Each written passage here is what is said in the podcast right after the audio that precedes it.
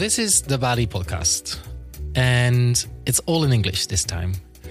Every two years, we organize a forum on European culture, and the third edition takes place from the 17th until the 20th of September and is themed We the People. Because what makes us European? To try and answer this question, we bring you this podcast miniseries where we speak to several creatives from all over Europe. With authors, directors, and artists, we discover everything that European culture has to offer. During the festival, on the 19th of September, we team up with one of the most famous chefs in the Netherlands, Joris Bijdendijk, to explore Dutch and European identity by looking at what's on our plate every day. Please buy your tickets now at cultureforum.eu or click on the link in the show notes. To already give you a little teaser of what's to come, our program editor Simon de Leeuw speaks with another food lover, cookbook author and cultural anthropologist Claudia Roden. Roden was one of the first to popularize Middle Eastern food into the European mainstream kitchen. We talked to her about growing up in Egypt in a Jewish Syrian family moving to the UK, and how food is a way to hold on to your cultural identity.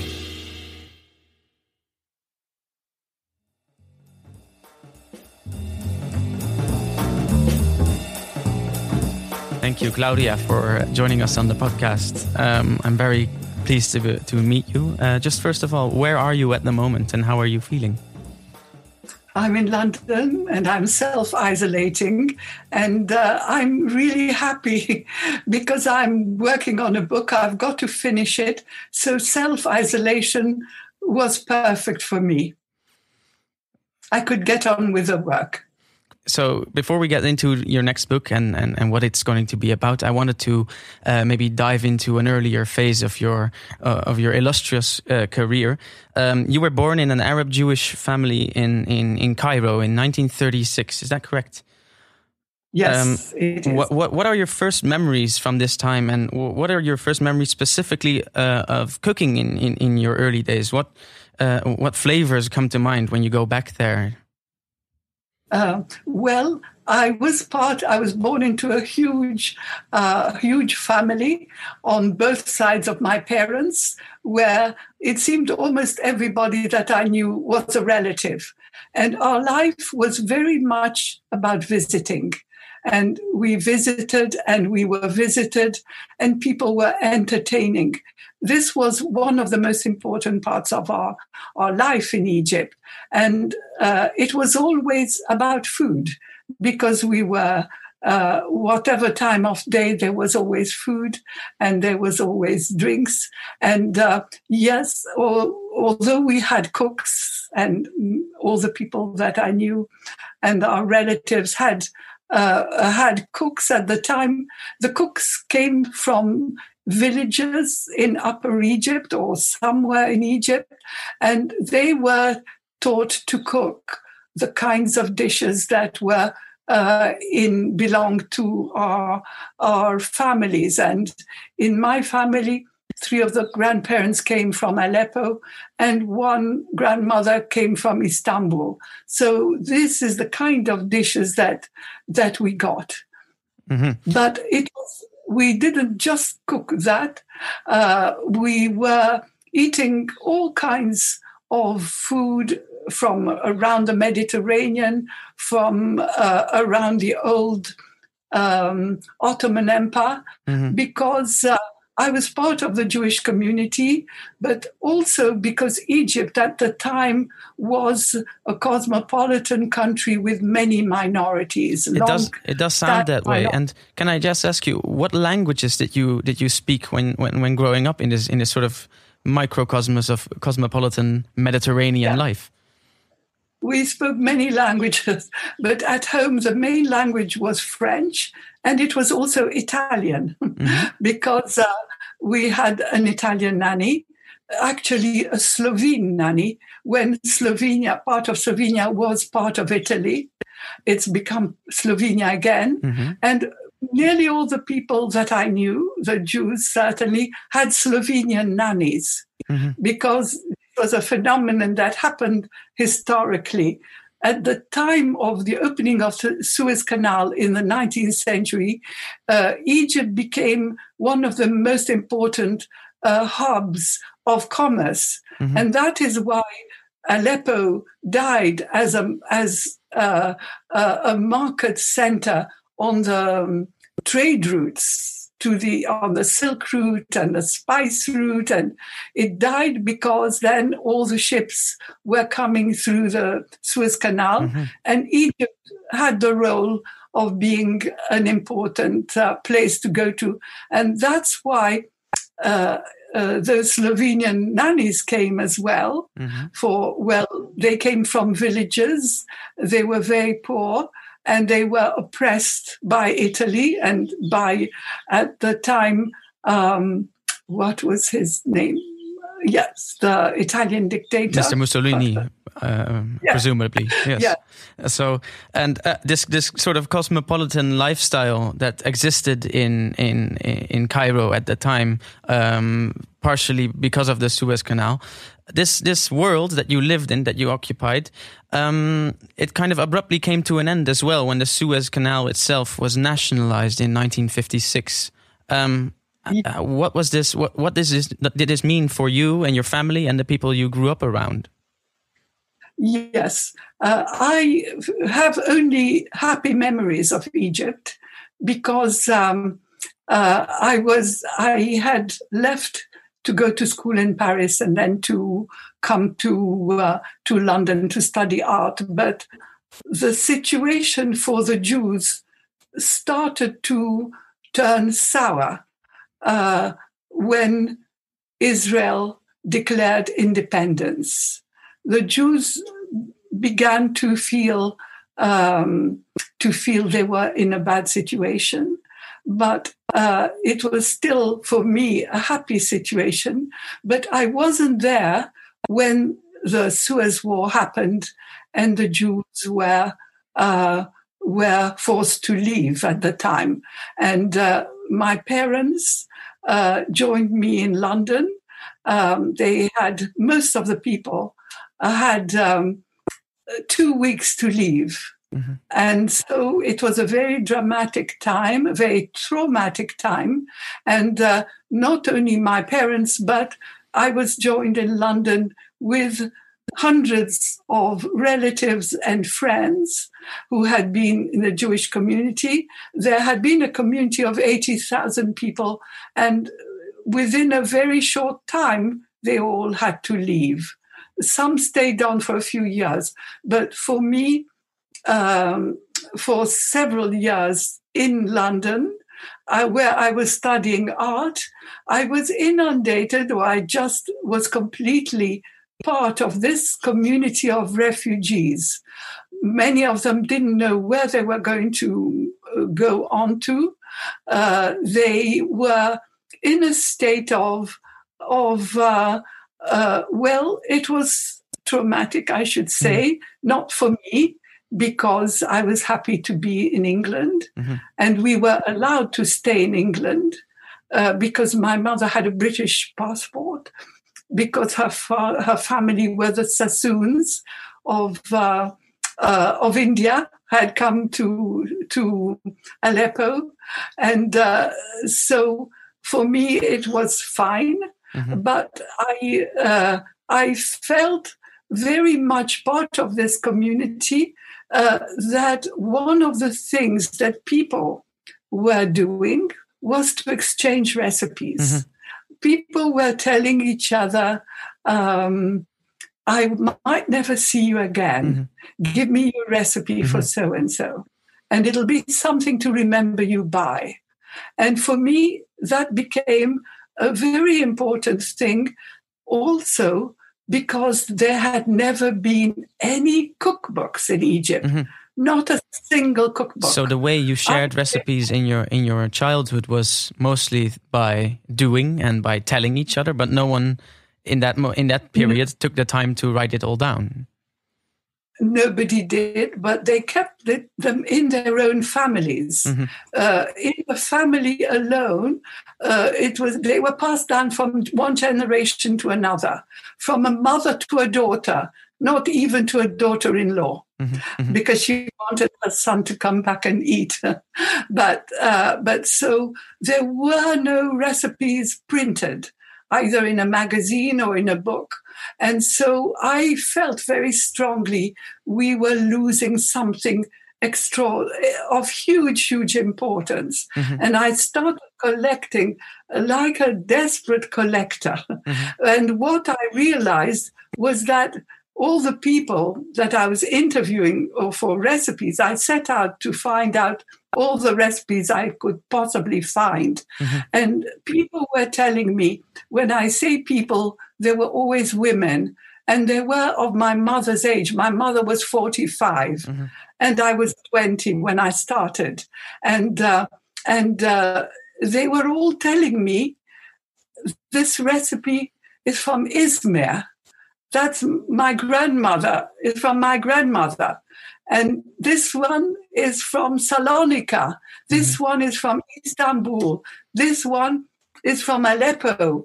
And so um, there was also recipes from different parts, even from Iraq and Iran, mm-hmm. but mainly from the Mediterranean. Right. And I was collecting everything assiduously. Mm-hmm. It means that I took every word down mm-hmm. because it was something so precious. Mm-hmm. And they also, I, I, I tried to compare with someone else from the same origin, and they were really sticking absolutely nobody at that time wanted to change anything.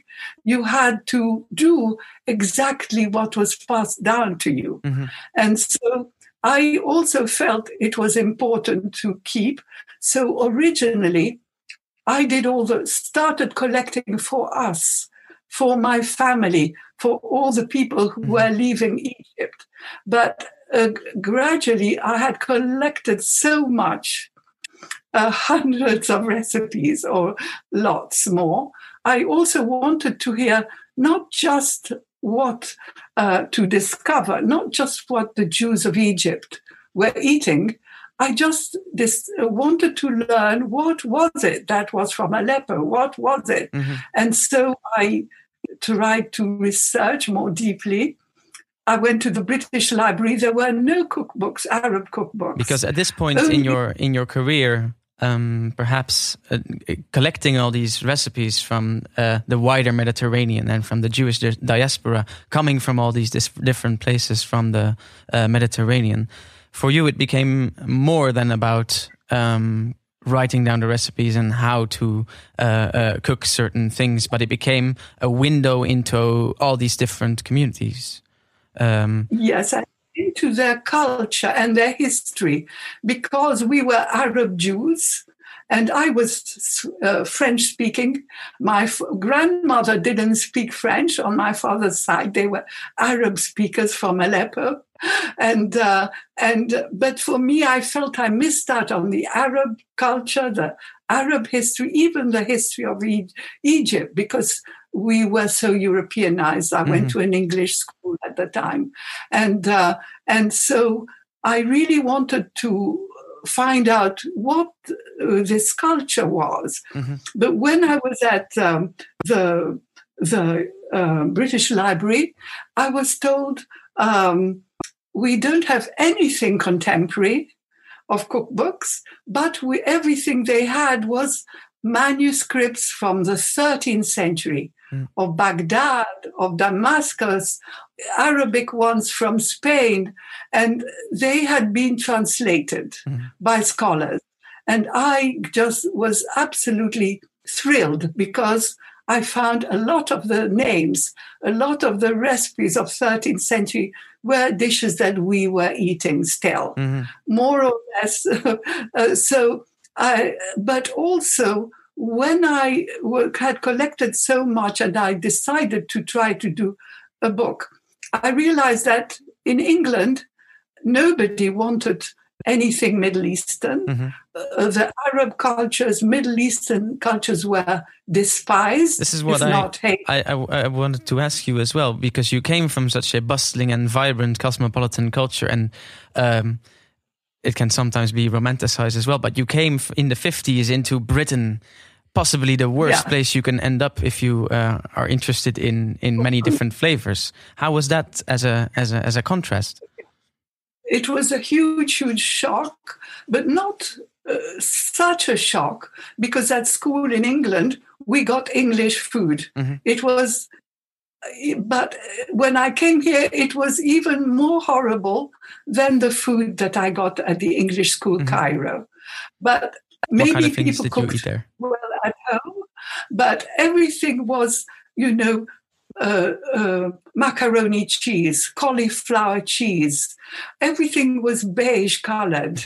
Uh, there was, when we had, I'm talking about food in the canteens, food in the restaurants that we could afford that were cheap the expensive restaurants were all French cuisine. Mm. There was nothing good from anywhere else at that time in Egypt. And uh, we couldn't afford French cuisine restaurants.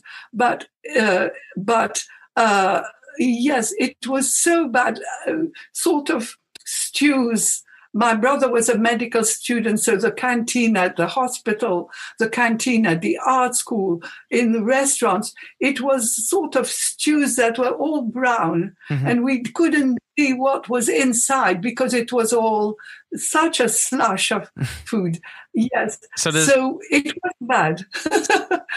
there's on the one hand the young Claudia that that tries to preserve and, and collect and and and register the the many memories of uh, of the Jewish diaspora around the Mediterranean. But was there also somewhere in your ambition of becoming a, a cookbook writer um, the feeling let me show also to all these well the, the, the European countries that many of you um, uh, ended up in. Let's show what there is, what else there is in terms of color, in terms of flavor. Um, Yes, because uh, when I was a student for two years before my parents came, uh, everybody that we knew, because I lived with two brothers, one younger than me, one older, but all our friends wanted to eat an, in our flat. I was cooking for all for people at that time as a young person when I was 19, mm-hmm. 18, and until I was 20.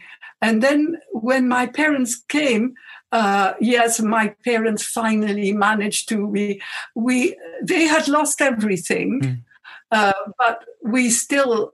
You know, I was working at Alitalia, the Italian Airlines, mm-hmm.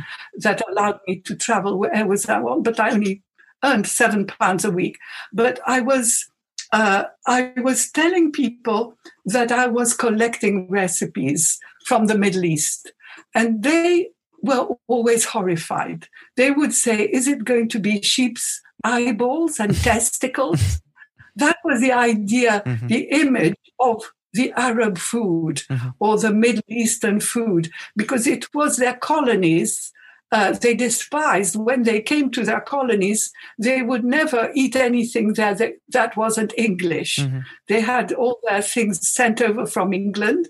But so I also wanted to uh, tell them more, not just the recipes, but I started telling them stories of Egypt, and not Egypt only, but the Middle East, jokes, poems, uh, uh, riddles, just to tell them, you know, you despise it, but it was great. But actually, the book took a long time uh, to uh, to be known. It became known as a paperback, Which and mainly for young from 1968, if I'm correct, right? It was called the New Book of no, it was called uh, uh, a Book of Middle Eastern Food. Eastern yes. Yeah, and then uh, yes, it's only later uh, that I thought I will never write any other book.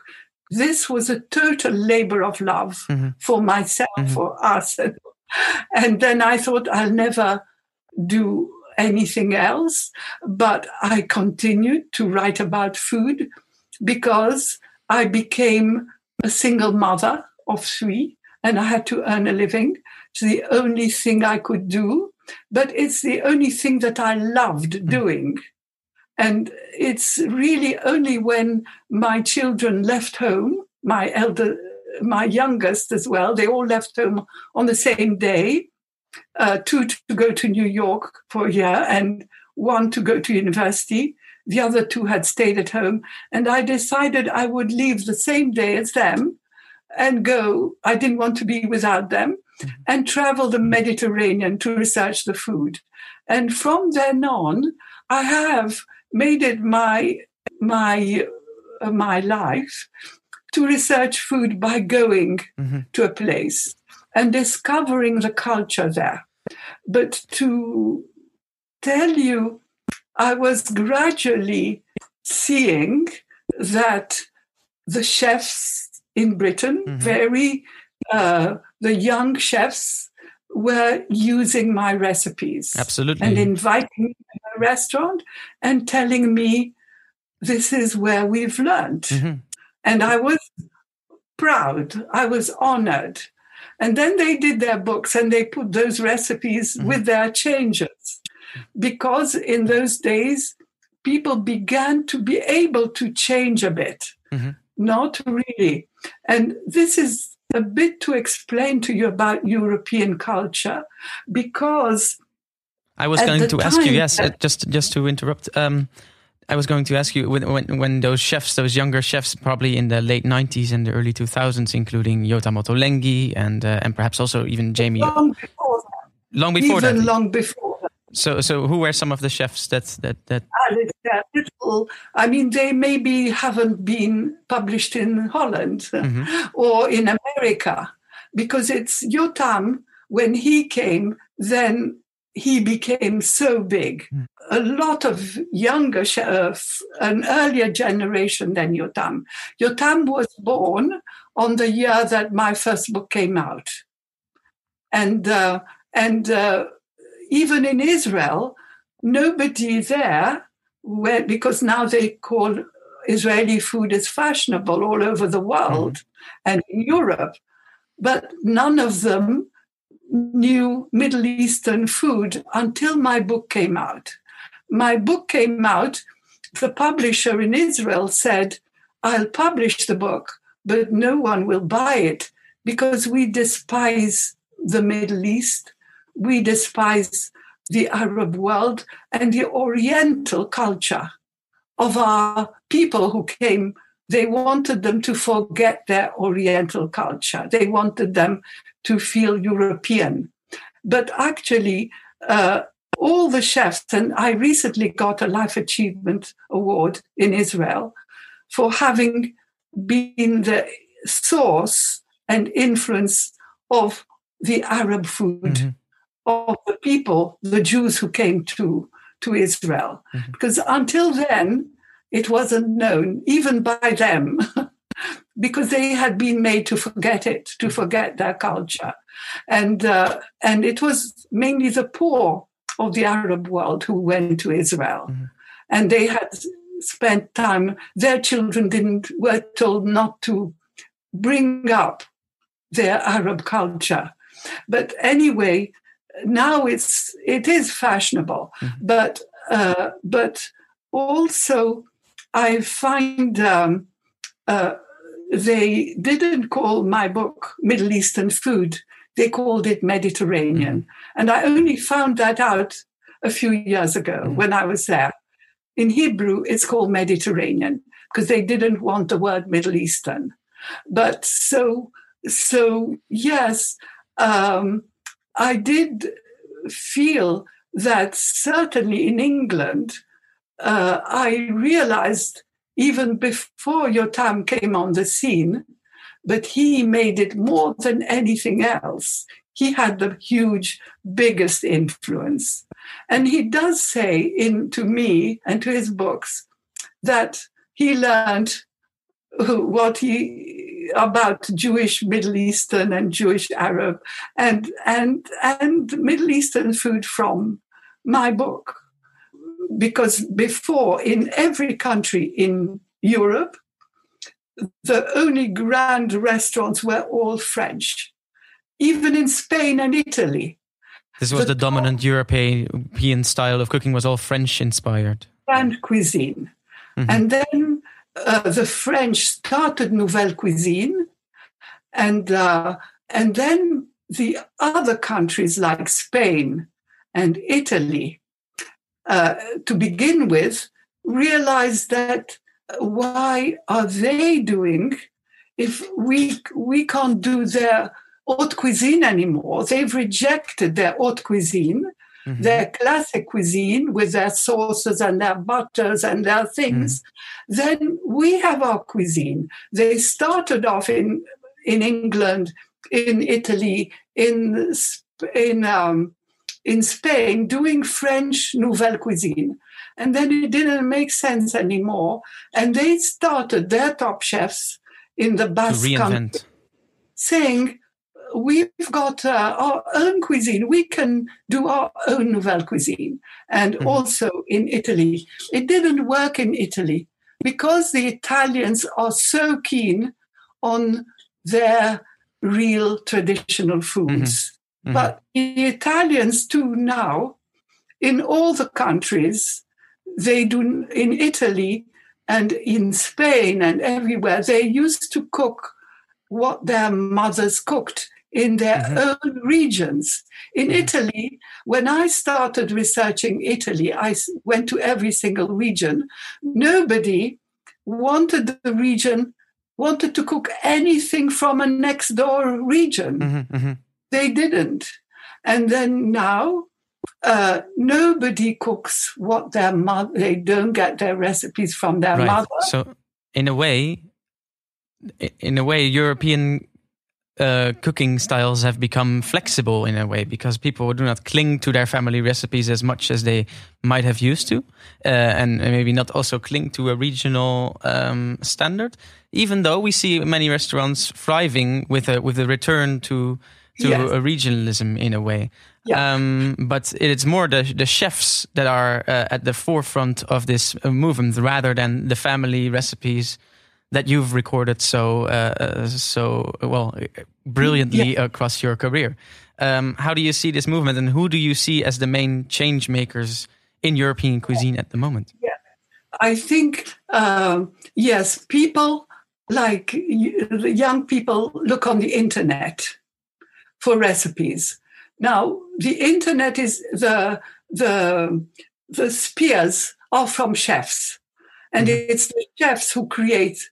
Uh, but the the changes can change from one day to another. Before it took a mm-hmm. hundred years for a change in Europe, or more. It needed a whole occupation. It needed a change of populations. But now, with the Instagram, if Yotam or somebody else does a recipe that that everybody copies, they copy it the next day. There are so many trends now uh, in Europe, and sometimes they are contradictory, mm-hmm. but they exist at the same time. As you say, people going back to tradition.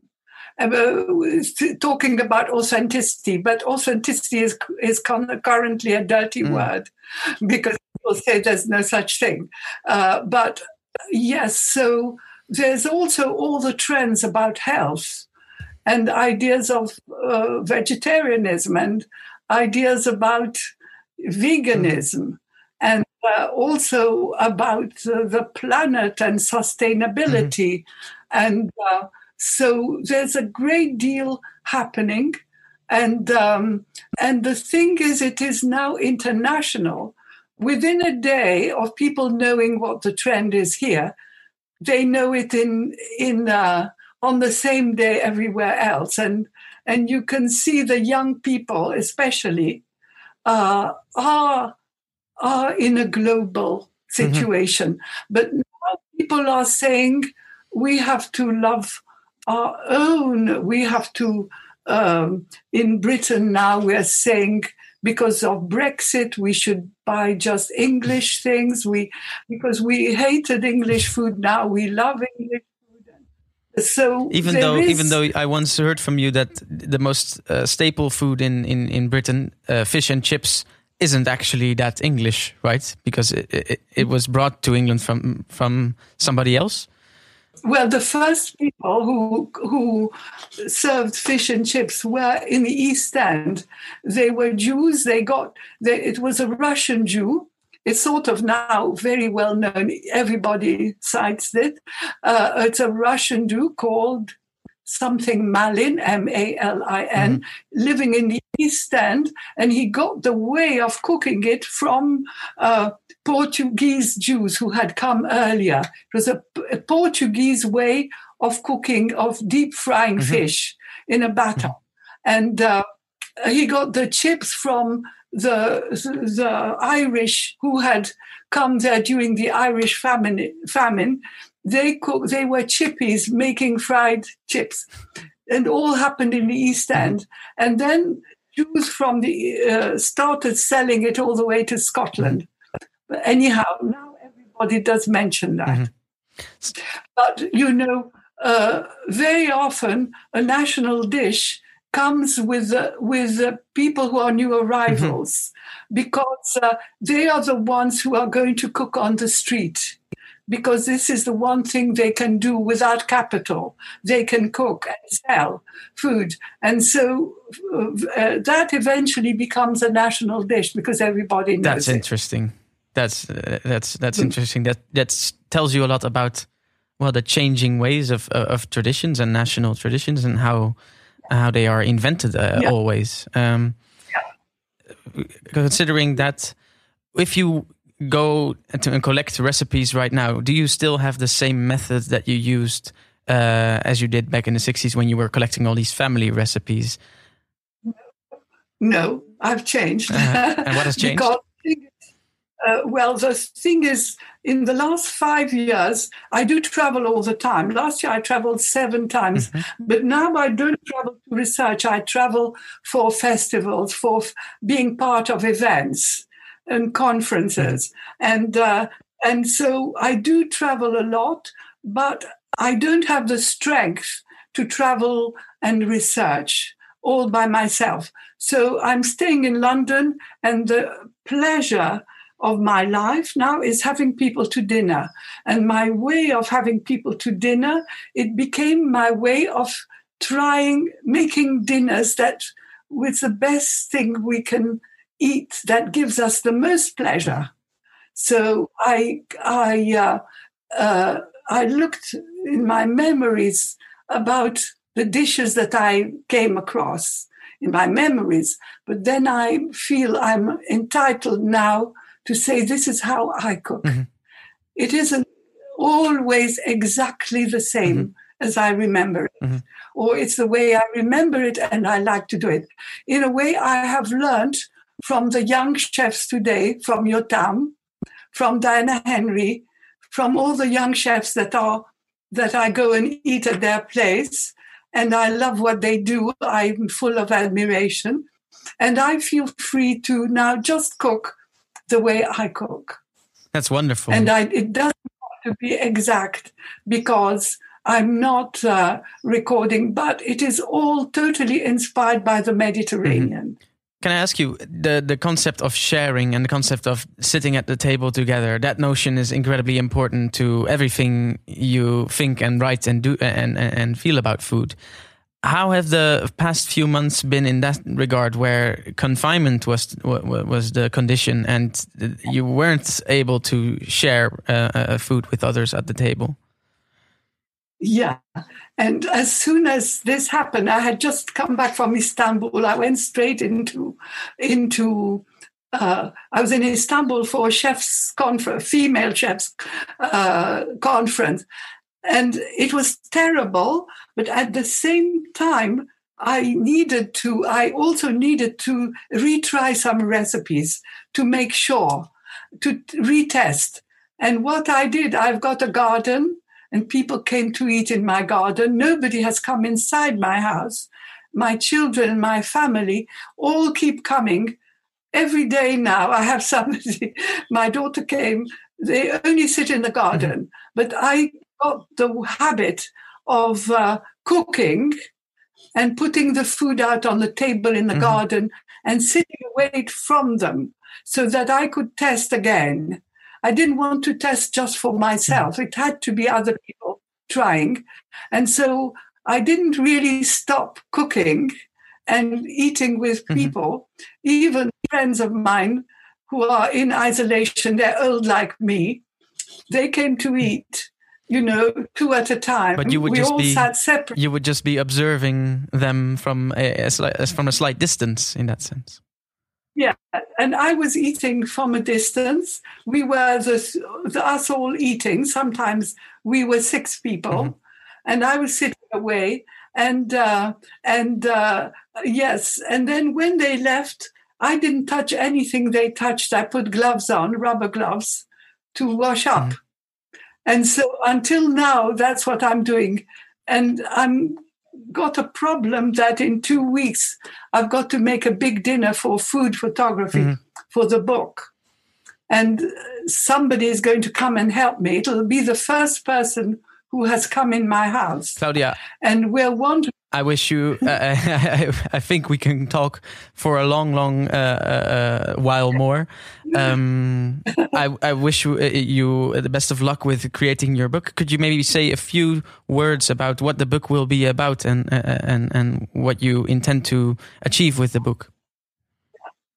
It is really all recipes, the best that I can think of to cook, mm -hmm. to give the most pleasure with a less amount of mm-hmm. work mm-hmm. because I, like everybody else, don't want to spend too much time cooking. Mm-hmm. I want to to enjoy the company that I have, and I want to enjoy.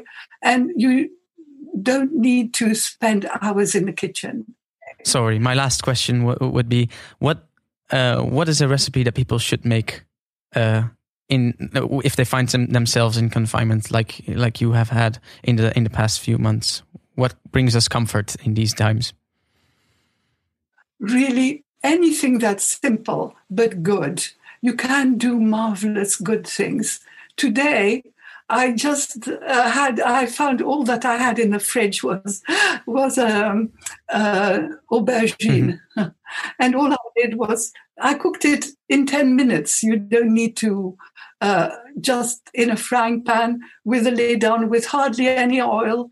I just put yogurt on it, and I put uh, yes a bit of sumac, mm. a spice, but just with the yogurt and the aubergine it was really really good and i just feel i need to uh, to have pleasure from eating mm-hmm. because when you're that's all you have of pleasure apart from watching things on the internet.